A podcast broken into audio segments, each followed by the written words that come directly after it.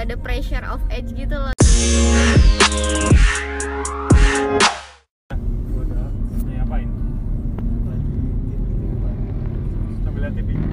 Ada kasur di depan sini. Kelilingan udah mulai. Gimana Zasi?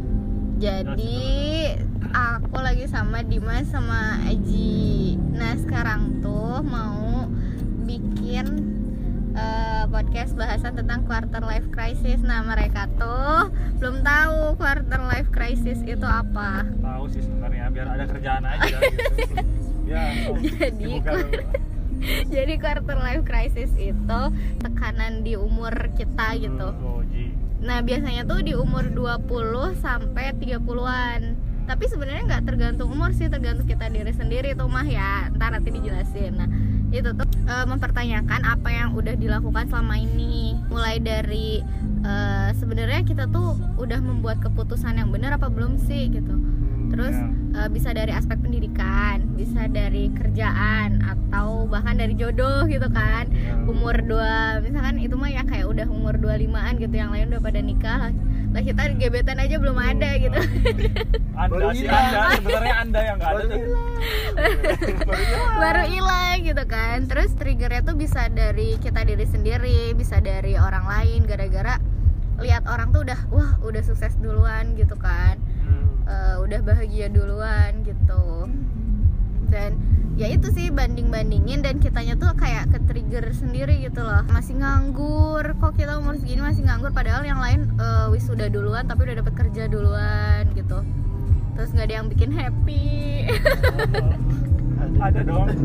Siapa? Pharrell Williams. Perlu. terus ya bosen aja gini-gini aja gitu. Itu bisa disebut quarter life crisis ji ini emang keresahan setelah remaja Iya. gitu. Terus kata kalian tuh kayak gimana gitu? Pernah ngalamin enggak? Terus cara mengantisipasinya kayak gimana Hmm. Ya silakan Bapak Dimas. sok dari Dimas dulu apakah Baru saya udah mau nembak Aji gitu Kayaknya udah ditembak duluan Suruh jawab duluan apakah dari umur 18 gitu kan abis kuliah eh bukan abis kuliah apa sih abis SMA gitu kayak nggak keterima di. PTN aja itu tuh udah Ya. udah Iya. ngerasa gagal gitu padahal kan Hmm. aduh padahal kan parameter kegagalan tuh nggak cuma dari gitu itu aja gitu nggak cuma dari aspek nggak lulus PTN gitu kan. Hmm. toh PTS juga nggak ada yang salah maksudnya ada sisi baiknya juga kok gitu ada plus minus benefitnya juga gitu kan. Iya kayak gitu contohnya. Ya. nah sekarang di umur kita yang segini udah kepala dua apa yang kalian alamin gitu di quarter life crisis itu? Eh, pertama Assalamualaikum. Enggak, enggak, enggak bercanda ya ya sih? Oh, iya. gak apa Iya, jangan serius-serius asal udah assalamualaikum dari tadi. Hai. Jadi kalau kalau menurut saya pribadi mah ada itu mah emang sebuah fase sih. Hampir semua manusia ya ngalamin. Mau enak atau nggak enak berkecukupan atau enggak ibaratnya setiap keadaan tuh punya bumbunya masing-masing. Jadi misalkan orang kaya bosan dengan keadaannya orang miskin ngeluh dengan keadaannya orang berkecukupan dan yang putih yang ganteng yang lain sebagainya. Pokoknya kayak gitu deh pasti ngalamin intinya. Yang kayak gitu. Terus bukan hanya orang-orang tertentu yang nyampe ke fase itu tapi emang sebagai batu loncatan kita kematangan sebelum dewasa teh di fase ini. Terus apalagi sih? Terus pernah ngalamin enggak gitu? Iya pernah. Pastilah. Pastilah ngalamin. Apa contohnya? Contohnya? Contohnya apa ya? Gila nggak pernah ngalamin. Oh. PLC Ji aduh bukan bukan gitu. Kalau saya tuh bahagia nih Bapak itu. terlalu bahagia. antara antara mengalir dan bersyukur tuh harus disamain sebenarnya itu teh hadir karena kita kurang bersyukur juga sih guys. Iya sih. karena kurang bersyukur kita terlalu menyalahkan keadaan. Yang ada kita tuh merasa kita nih di tempat yang salah kita nih di waktu yang salah. Kenapa yang lain begitu mudah begitu bahagia tapi kita enggak? Sebenarnya kita juga punya kehidupan yang diimpikan orang lain gitu sebenarnya. Gitu coy misalkan hidup kita kayak gini dan orang lain tuh lihat pengen jadi kayak kita gitu. Hmm. Jadi belum tentu kita tuh buruk buat di buat apa sih buruk di mata orang lain gitu. Iya. kalau kalian lihat postingan terbaru saya dah. apa apa IG-nya ada di bawah sini ya jadi eh, sebenarnya manusia tuh cuma kurang bersyukur. Bahkan keadaan diam kita pun merupakan salah satu keadaan yang diinginkan orang lain di luar sana gitu.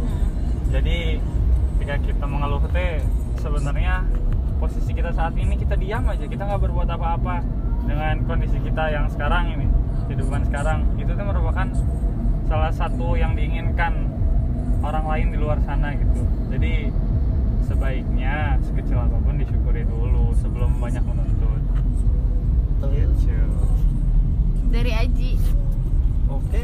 wow wow Oke. wow saya orang sih keadaan tekanan tuh mi- keluarnya saat overthinking. Yes. ekspektasi Jadi- ekspektasi Iya, jadi ekspektasi tidak sesuai harapan yo bersiap sih itu dulu itu dulu. apa sih Nah, terus kayak misalkan kita tuh berpikiran lebih gitu. Misalkan ah orang itu udah nikah dengan dengan keadaan yang cowoknya udah kerja gini gini gini. Tapi di balik itu tuh ada perjuangan mereka yang nggak gampang dilewatin. Yes, yes. Jadi Iya. kita mikirnya overthinking, ah kita nggak akan bisa sampai segitunya Ya. dengan keadaan kita masih terpuruk atau nggak masih berjuang nah kan tiap orang kan beda-beda tuh waktu finishnya mungkin aja dia di keadaan sekarang bisa finish duluan dan kita bisa lebih hoki gitu ke depannya nah jadi keadaan itu tuh emang datangnya saat overthinking kita mulai memuncak sih kalau menurut orang.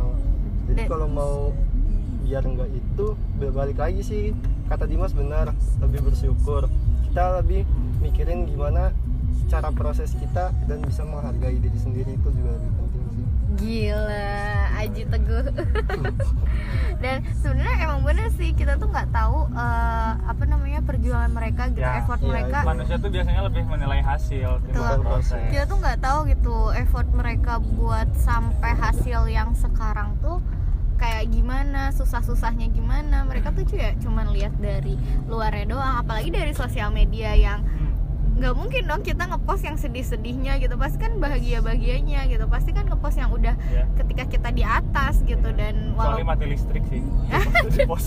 Ya Allah ya benar gak ada gak ada sinyal mati listrik. Itu juga Udah kalian kayak kurang hidup di- bersyukur di... di pedalaman sana tuh banyak yang nggak tanpa listrik sebenarnya kita ngeluh gitu. juga nggak apa-apa sih dim. Bukan lagi lomba sengsara sengsaraan siapa Hmm. gitu. Ya itu mah cuman kayak ngeluh aja kenapa sih sampai bisa kayak gitu lagi? Dan itu kan kita nggak tahu juga ya. Nah itu tuh kita cuma nilai PLN hasil PLN tuh gimana sih kerjanya gitu kan? Kita nggak tahu ya effort uh, pegawai PLN yang ngebenerin sampai kan gaji karyawan yang mau dipotong Iya, itu sampai buat gantiin ini jadi malah iya malah malah jadi bahas bahas politik. mati PLN ya. Jadi, balik lagi back terus to topic. Jokowi. Oh, iya. tuh kan buka topik lagi yang lain udah udah ntar kita disangka cebong lagi ya. Jadi keluar enggak? Iya iya iya udah Aji. iya iya. Jadi kita tuh mau bahas apa ya PLN apa ini? Nah ya? jadi itu tuh salah satu contoh konkret quarter life. Iya apa? Crisis. krisisnya itu. Yang dipikirin di umuran sekitaran ini gitu. Sebenarnya kita quarter life crisis tuh gara-gara kita nggak tahu tujuan kita mau apa dan gimana ke depannya gitu. Bisa waktu beres kuliah gitu. Aku belum mikirin tahu ke depan mau jadi apa mau kerja apa gitu. Yang penting mau jadi orang sukses gitu kan. Tapi kan Orang- parameter kesuksesan orang tuh kan beda-beda gitu. Ya. Hmm. definisi sukses tiap orang tuh ya beda-beda gitu kan. Sukses tuh ya bukan one shot gitu. Edan one shot. Cus cus. Bukan one shot yang sekali jadi gitu. Sukses juga kan butuh proses gitu. Dan dari hal sederhana kayak gitu ya bisa juga kalau dari salah satu tujuan kan tujuan orang beda-beda. Sedangkan kita ngelihat orang lain yang lebih sukses di bukan tujuan kita itu pun Hmm. ngerasa bisa bikin ada overthinking kan. Nah, jadi kita kurang bersyukur sama tujuan kita. Kok tujuan kita susah nih tapi ngeliat orang lain dengan tujuan dia yang gampang dia bisa lebih cepat sukses atau apa. Nah itu juga bisa jadi keadaan itu muncul.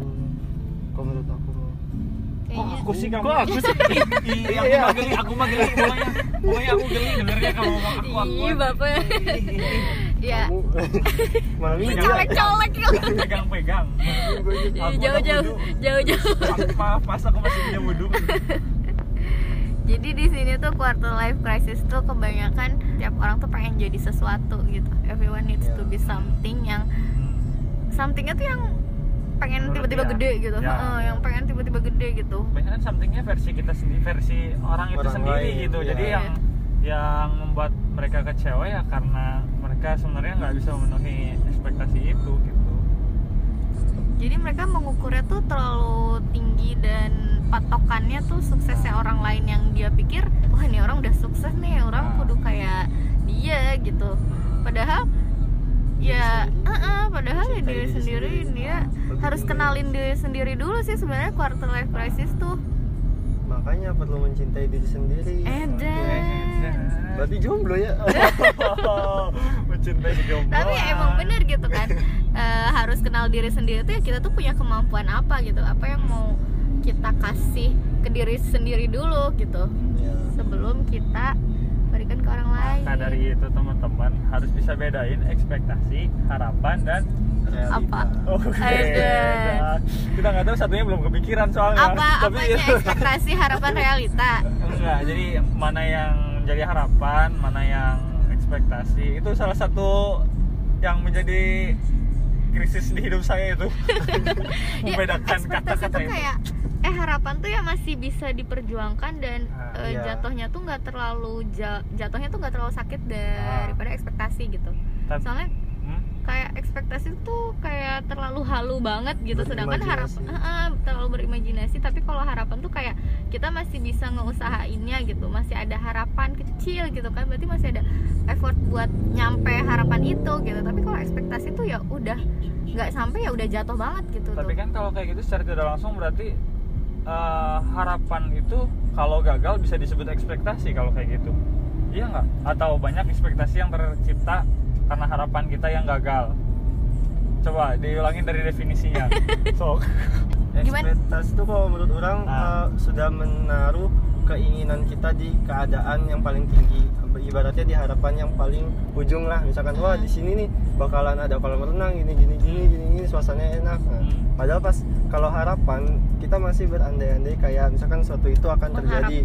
Misalkan oh kayaknya di sini bakal jadi ini ada pilihan lain ada pilihan lain nah tapi kalau misalkan ekspektasi itu kayak hanya satu tujuan udah pas gitu misalkan eh, orang bakalan ke sini nih ke Dufan Mm. dan nggak ada cuaca buruk atau enggak keretanya nggak telat gini gini ternyata udah gitu harap semuanya semua harapannya musnah Kayak- gitu ekspektasi itu tingkatannya udah men- menaruh harapan terlalu Apa? tinggi gitu sering kali kita tuh cuma apa? Kita kan sering kecewa tuh. Dan yang jadi kambing hitam kan ekspektasi bukan harapan. ya karena kita terlalu berharap pada ekspektasi Din. jadi terlalu memikirkan ekspektasinya kayak gini gini gini Ah. padahal ya tadi yang kayak Aji bilang gitu harapan tuh ya masih ada planning planning, Planning lain yang- pemikiran lain gitu usaha lain buat nyampe harapan itu gitu dan gak terlalu sakit banget gitu kalau harapannya jatuh atau jauh dari perkiraan Berarti secara tidak langsung ekspektasi itu kegagalan kegagalan dengan kalimat yang lebih halus gitu atau gimana? Kan rata-rata yang jadi ekspektasi. Kalau ekspektasi terwujud jadinya apa? ya udah Berarti bukan ekspektasi. realita Hmm, Ya gimana sih maksudnya? Kalau ekspektasi kan tadi terlalu tinggi tuh, Mm-mm. terlalu tinggi dan kan bisa disebut terlalu tinggi teh karena mungkin gagalnya baru udah dicoba terus kita nggak capai itu, Ah. jadi gagal terus disebut ekspektasi kan? Ya Mm-mm. Iya gitu. Iya berarti ekspektasi itu kegagalan secara halus gitu atau gimana sih sebenarnya? Iya, Itu tuh aduh. karena kalau harapan tuh walaupun gagal ya dalam hati tuh kita masih punya niat untuk mencapai itu tuh mas Jadi itu kawan-kawan quarter life crisis saya. nah ini jadi kita bahasanya banyak nih nggak Aduh. cuman QLC doang Sumpah di sini smartphone jelek banget ini aduh. enggak aku bagus kok Jadi itu lama tuh. Kenapa ya? HP bagus? Di Smart Friend? di tempat KKN mah bagus. ngejos. Oh. Ih, padahal pelosok ya? Eh iya dong. Jadi kita belok kanan bisa belok lurus bisa. Belok lurus deh Belok. gimana ya kan lurus bisa. Tolong tolong jelasin gitu. Belok lurus. Da- lurus 6 Oh. menit. Belok kanan 8 menit. Lurus berarti. Ya lurus aja deh. Chaos itu bisa bawa dampak positif nggak selalu bawa dampak negatif. Oh, iya. contohnya kayak ya itu kita tuh lebih mempertanyakan diri kita gitu ke depannya mau gimana dan kita tuh bisa lebih eh, nentuin tujuan kita ah, terus yang kedua bisa kita tuh sadar gitu menyadari oh ya kita tuh kayak terlalu membandingkan sama orang lain ya itu kalau misalkan orangnya sadar ya gitu hmm. tapi ya emang pasti dengan sendirinya capek nggak sih kalau misalkan kita mikir yang kayak gitu terus mikir negatifnya terus gitu pasti Iya. dia juga ngerasa oh iya ini kan hidup kurang gitu itu kan Hmm. hidup meneh gitu kan dan pasti dia tuh kayak lebih nge-explore diri dia sendiri. Ya. jadi dia sam misalkan kamu waktu itu gap year kan? Kamu. Lo, lo, lo waktu itu gap year kan? Maksudnya eh, nunda setahun kuliah. Setahun kan ya. Terus waktu itu ngisi Kenapa? ngisi gap year-nya tuh Oh, aku ini teh. Iya, Oh, aku. Tadi aku dibilang kamu soalnya. Jadi aku rada gimana gitu. ngisi Yes, gap yes, year yes, yes. ngisi udah balik lagi Oh iya iya iya iya iya. iya. ngisi gap year tuh kerja nggak sih dim Iya, di nah kerja. jadi eh, Oh iya tuh betul tuh betul. Oh, Anda lebih ingat sih kisah hidup saya oh ya gitu. jelas Jadi waktu itu ceritanya uh, nggak keterima atau ya gimana kan dari awal ya dari awal. Ah. sekolah kan di SMK yang notabene memang dicetak untuk uh, ke dunia kerja. Cetak. cuma pas tahun ketiga baru tuh dapat penyuluhan tentang kalau mau kuliah harus begini begitu begini begitu. Salah satu jalurnya lewat SNMPTN nah dari sana kan ya nyoba peruntungan nasib lah. Daftar daftar ternyata nggak keterima tuh. Nggak keterima. Ingat waktu itu kalau nggak salah hari Sabtu ya? Hari Sabtu nggak keterima terus sempat drop untungnya nggak nggak lama gitu. Jadi hari Sabtu pengumuman SNMPTN eh, hari Senin udah dapet telepon. Waktu itu di- dari tempat waktu eh, PKL atau waktu magang pas SMK tanyain kan Dim lagi di mana? Suruh main ke kantor nih sama bos yang baru. Hmm. ya intinya lah eh, eh, saat keadaannya nggak sesuai eh, ada hal lain sebenarnya yang disiapkan gitu yang sudah disiapkan. Jadi meskipun saya ambil terus kerja dulu baru lanjut kuliah ternyata ya krisisnya itu kerasanya setelah satu tahun hampir satu tahun kerja baru tuh ngerasa kurang kerasan atau lain sebagainya. Sebenarnya lebih ke belum siapnya mental sih. Mental ke Dan- dunia kerja. Ah mental ke dunia kerja. Mungkin kalau sekarang dihadapkan dengan situasi dan dunia kerja yang pada saat itu bisa lebih bisa lebih apa nerima dan lebih terus ngejalanin sampai kapan pun. Karena ya lumayan gitu kerjaan yang kayak gitu. Nggak semua orang bisa dapat nggak ada open recruitment dengan gaj- dengan penghasilan yang kalau untuk di kota ini cukup salah satu yang tertinggi gitu. Jadi ya harus sampai satu tahun baru merasakan lagi apa itu uh. KLC-nya gitu. Nah ngantuk ya? Lama. Jangan dia mikir podcast juga. Jadi terus habis itu teh baru tuh dari situ eh, saya teh nggak bisa kalau diem aja di keadaan kayak gini. Jadi pilihannya kan waktu itu gini. Eh, realistis atau idealis? Kalau realistis yang jadi bahan pertimbangan atau rata-rata realistis tuh setelah benar-benar kita nggak bisa mengubah keadaan gitu.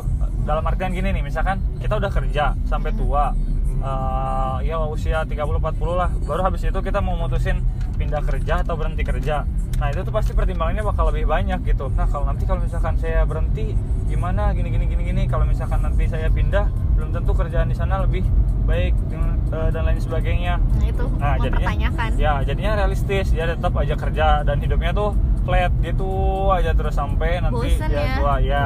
dan yang kedua pilihannya idealis. Idealis itu kan karena waktu itu masih sangat muda gitu. Jadi kenapa nggak kita eh, ini dulu apa adu nasib buat Iya. eh, nyoba menjadi seidealis mungkin kita teh. Nah itu mempertanyakan apakah keputusan yang diambil tuh udah tepat apa belum gitu. tepat atau enggaknya relatif sih. Jadi ada sebagian orang yang menganggap itu tepat. Jadi ada sebagian orang yang bilang ke saya teh wah hebat wah beruntung. Baru lulus SMK udah dapat kerjaan yang seperti itu. Nah gitu. Kan di satu sisi mungkin ada orang yang menganggap itu teh sebuah penghasilan yang Iya. uh, signifikan gitu. Tapi di sisi lain uh, pas saya memutuskan buat kuliah lagi eh buat kuliah dulu mulai kuliah ya di situ juga ada beberapa yang menghargai itu dan mengerti gitu. Emang uh, usia masuk kerja teh salah satunya dipengaruhi oleh kematangan mental gitu. Gitu. Begitu deh.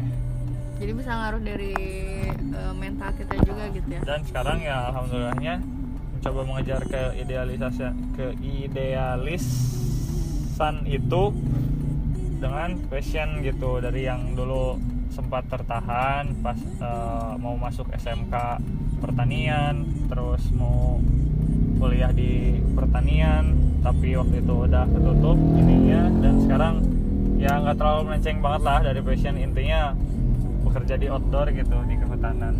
Nah ini bahas-bahas passion nih. yes Ingat juga sebenarnya kamu bisa tahu passion kamu di pertanian tuh kayak gimana gitu. Soalnya aku juga Hmm. masih bingung gitu passion aku tuh kayaknya bukan di accounting gitu Ya. kayak ya masuk accounting karena ya pilihan terakhir gitu. itu realistis bukan idealis kalau idealis yang ada di pilihan pertama kita Nah, tadi ah ya gimana kamu bisa nggak gini bisa tahu itu passion kamu tuh di mana sih tempatnya maps Oh iya.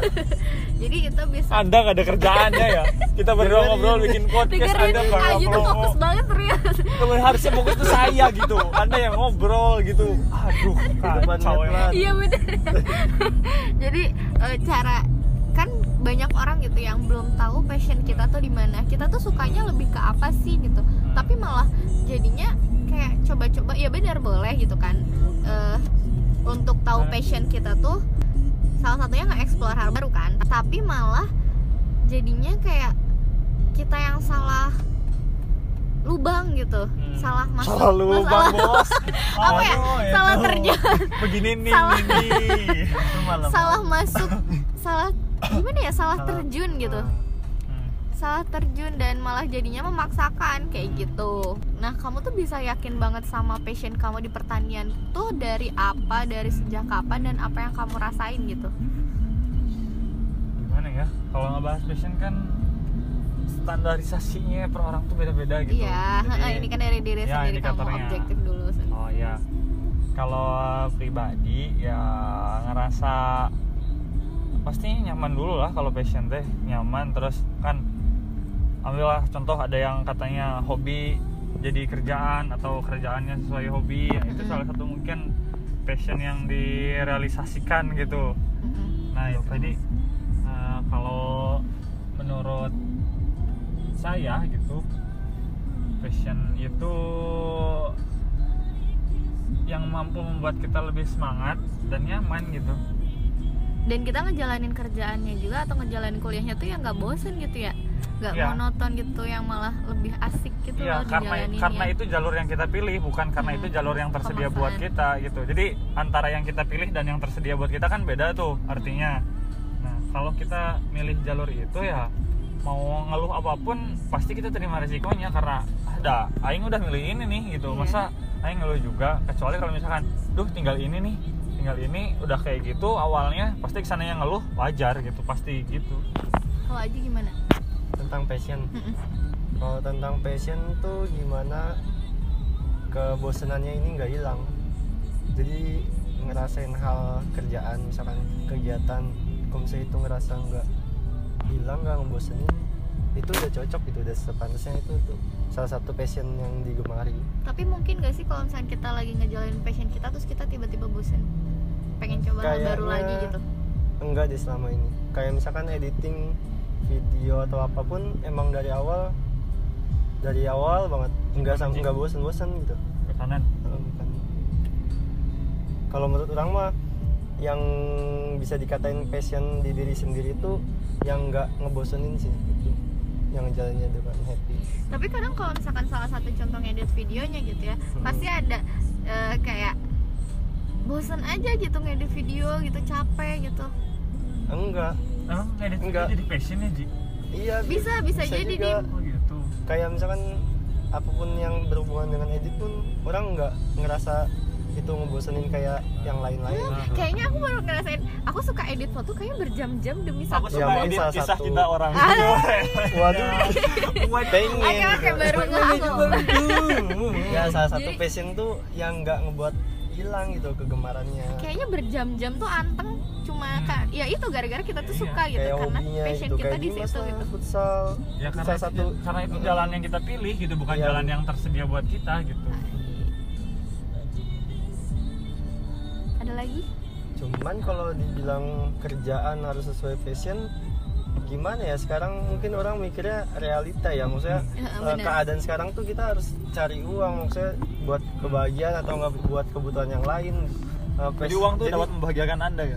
Jadi be- membahagiakan passion tuh bisa menggunakan kita harus berusaha dulu gitu. Misalkan dari kerjaan dan sehingga ya kita bisa beli laptop lah untuk editing video yang lebih oke yang lain-lain. Nah itu mendukung bisa passion mendukung kita passion. juga ya? Jadi eh, kalau masalah kerja bukan passion ya mau nggak mau seenggaknya kita cari kerjaan yang gitu ya. nyaman gitu. Seenggaknya kita bisa memposisikan diri kita yang nyaman. Tapi jangan sampai nyaman itu jadi bumerang jadi kayak zona zona apa mas namanya zona nyaman zona Jadi kita berbahaya eh, comfort, comfort zone. zone. jadi kita nggak berkembang di zona itu jadi Kita nggak boleh apa? Eh. Nggak bisa nggak boleh- berkembang. oh, ya jadi kita nggak bisa berkembang jadi kita misalkan terima gini gini gini gini terus Hmm. ya sampai tua ya jangan sampai kayak gitu nantinya seenggaknya kita harus bisa memposisikan diri kita di Nah. ke- di kemudian hari itu tuh yang tadi saya maksud realistis dari umur muda teh sebenarnya Iya. jangan sih gitu Heeh. selagi muda kita belum banyak pertimbangan bukan berarti segalanya boleh kita coba gitu ya Mm-mm. Hmm. tetap milih-milih tapi juga ah, gitu ah, sama realita yang Tuh, ada paling banyak Iya. punya krisisnya tuh dia padahal cuma aku kan mau berbagi gitu loh Oh, iya, sebelum iya, aku iya. mengungkapkan gitu harusnya dulu dulu gitu tadi jadi kita bicaranya sedikit sebenarnya iya gitu sebenarnya tuh ya, itu Ji. banyak banget sih quarter life crisis aku tuh serius tapi ya Gimana, gimana? nggak apa-apa ngalir aja gitu Hmm. jadi uh, aku juga sempat pikiran sama Aji kenapa kerjaan uh, maksudnya nggak selalu harus sesuai passion, Passion, gitu hmm. nah aku aja contohnya pas kuliah gitu ya aku dulu pernah mikir gitu aku tuh sukanya ya bidang apa namanya yang ngedit ngedit gitu loh Ji aku tuh pengen belajar ngedit video pengen uh, jago edit foto gitu kan bisa masuk ke DKV DKV Iya, ya iya, iya. Tapi aku mikir aku tuh kayaknya kalau ngedit foto dan ngedit video tuh bisa dipelajarin otodidak gitu Oh. bisa dari YouTube bisa dari belajar sharing sama teman-teman gitu dan ada ilmu yang eh, benar-benar harus dipelajarin sama yang lebih ahli di kelas gitu ibaratnya Hmm. ya kayak ilmu-ilmu akuntansi gitu kan maksudnya kalau belajar di YouTube belajar di eh, internet gitu tuh butuh waktu lama gitu kan Ya. Tapi bentar-bentar. Dulu waktu sebelum masuk kuliah akuntansi itu apa pilihan atau dipojokkan oleh tuh? keadaan? itu pilihan terakhir guys Tuh, ini berarti itu bukan pilihan, itu dipojokkan oleh keadaan. dipojokkan oleh keadaan karena nggak tahu harus apa dan ya itu makanya nggak tahu passion aku di mana gitu udah Ah. Tahu skakmat terakhir cuma nggak berani. iya sih itu nggak berani nggak berani gitu, untuk Mas. melangkah Hah? gitu gang kedua Rata-rata gitu loh. Jadi apa Eh, sih udah pakai dong. ini dong. sebelah apotek Siliwangi Nih apa gang nih? mana ini dong Ini gang. ini, ini ini nih kecil banget dia banget ya Masuk nggak, Bray? masuk ini kita udahan pas udah nyampe ya Yes. jadi apa nih tadi jauh Apa sih tadi tadi bahasa apa? ngomong apa kamu Oh, jadi sebenarnya orang-orang yang bisa kerja dari hobi atau passionnya tuh orang-orang yang pemberani dengan level plus plus plus plus gitu. Jadi sebenarnya ya siapa sih yang nggak memungkiri gitu setiap Iya. setiap individu tuh mau uh, kerja atau mau sukses di passionnya Passionnya dia passionnya gitu dia ya. gitu. Cuma kan ada beberapa di antaranya yang berhasil mewujudkan itu dan Nah. ada yang me- bukan menerima ya gimana ya kayak kayak tadi yang kata Aji gitu loh. Jadi dengan dengan jalan lain juga kita bisa mewujudkan atau ngebantu passion kita tuh biar tetap ada dan jalan gitu. Parkir di mana, Bray? di sini emang kita mau turun kita turun apa enggak sih Eh, nggak tahu nggak tuh itu tuh ya jadi seperti itu guys intinya karena Eh, kita aing gimana Ji? udah kan kita udah sampai tempat jadi ngobrol capruknya quarter life crisis passion ngomongin PLN tadi udah eh, sampai sini dulu nanti kalau ada waktu lagi kita oh dim Iya. kita bakal lanjut lagi dan kita bakal tukar pikiran lagi sama Aji dan Dimas dadah dadah dadah dong Dadah. dah dah Anjay.